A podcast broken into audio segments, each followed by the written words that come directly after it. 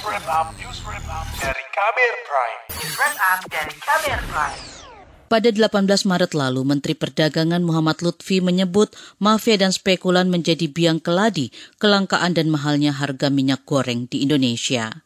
Lutfi mencontohkan ada tiga daerah yakni Jawa Timur, Jakarta, dan Sumatera Utara yang mestinya memiliki stok minyak goreng berlimpah namun justru mengalami kelangkaan minyak goreng. Kementerian Perdagangan tidak bisa melawan penyimpangan-penyimpangan tersebut. Jadi begitu kita bicara dengan Satgas Pangan pertama kali, yang dipunyai oleh uh, oleh Kementerian Perdagangan pasalnya ada dua, yaitu Undang-Undang Pasal, kalau tidak saya salah saya Undang-Undang Nomor 7 dan Undang-Undang Nomor 8, tetapi cangkokannya itu kurang untuk bisa mendapatkan daripada mafia-mafia dan spekulan-spekulan ini. Lutfi mengklaim sudah mengantongi data para mafia dan spekulan dan tengah diperiksa oleh kepolisian atau Satgas Pangan.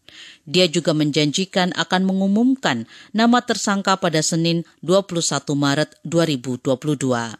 Namun hari-hari berlalu tanpa ada pengungkapan nama tersangka. Anggota Komisi DPR bidang industri dari fraksi PKS Amin Aka menyayangkan pemerintah yang seperti kalah dan menyerah melawan para mafia minyak goreng.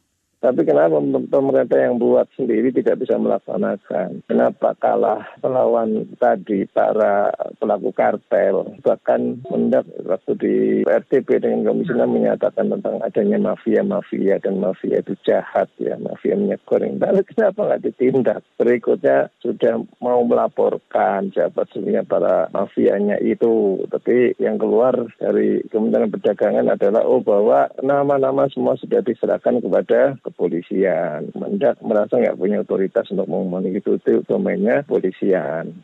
Ketidakmampuan pemerintah menghadapi mafia minyak goreng juga menjadi alasan fraksi PKS di DPR mengajukan usulan penggunaan hak angket atau hak penyelidikan untuk mengungkap pelaku kelangkaan minyak goreng. Di lain pihak, Ketua Asosiasi Pengusaha Retail Indonesia Aprindo Roy Mande khawatir terjadi praktik korupsi dalam distribusi minyak goreng. Karena itu Roy menyarankan agar pemerintah melakukan audit terhadap rantai pasok distribusi minyak goreng ketika audit supply chain yang harus dengan sistem digitalisasi, maka ini akan mengurangi potensi apa pun terjadinya yang berkaitan dengan indikasi corruption, indikasi uh, kartel, indikasi mafia, dan lain sebagainya. Karena sekarang ini, ya tentunya yang berkaitan dengan supply chain itu masih ada yang belum digital, ya kemudian juga tidak sinkronnya antara kementerian dan lembaga. Roy Mande menilai krisis minyak goreng goreng terjadi karena tidak ada data yang terintegrasi dari beberapa kementerian dan lembaga terkait untuk distribusi minyak goreng. Respon lebih keras datang dari masyarakat anti korupsi Indonesia Maki.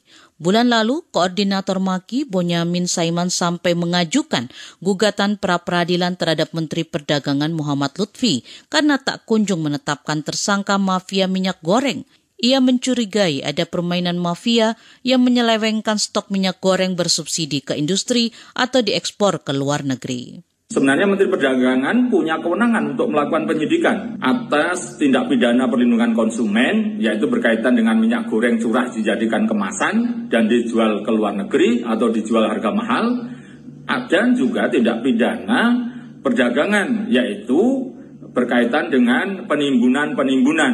Nah, dan Menteri Perdagangan juga punya penyidik pegawai negeri sipil, bahkan 73 orang jumlahnya. Mestinya mampu untuk melakukan penegakan hukum tersendiri. Sebulan berlalu, pengusutan mafia minyak goreng membuahkan hasil. Jaksa Agung ST Burhanuddin menyebut ada peran pejabat Kementerian Perdagangan dalam kasus dugaan korupsi pemberian fasilitas ekspor CPO ke perusahaan swasta. Laporan ini disusun Siti Sadida. Saya Fitri Anggreni. Kamu baru saja mendengarkan news wrap up dari Kabel Prime. Dengarkan terus kabelprime.id, podcast for curious minds.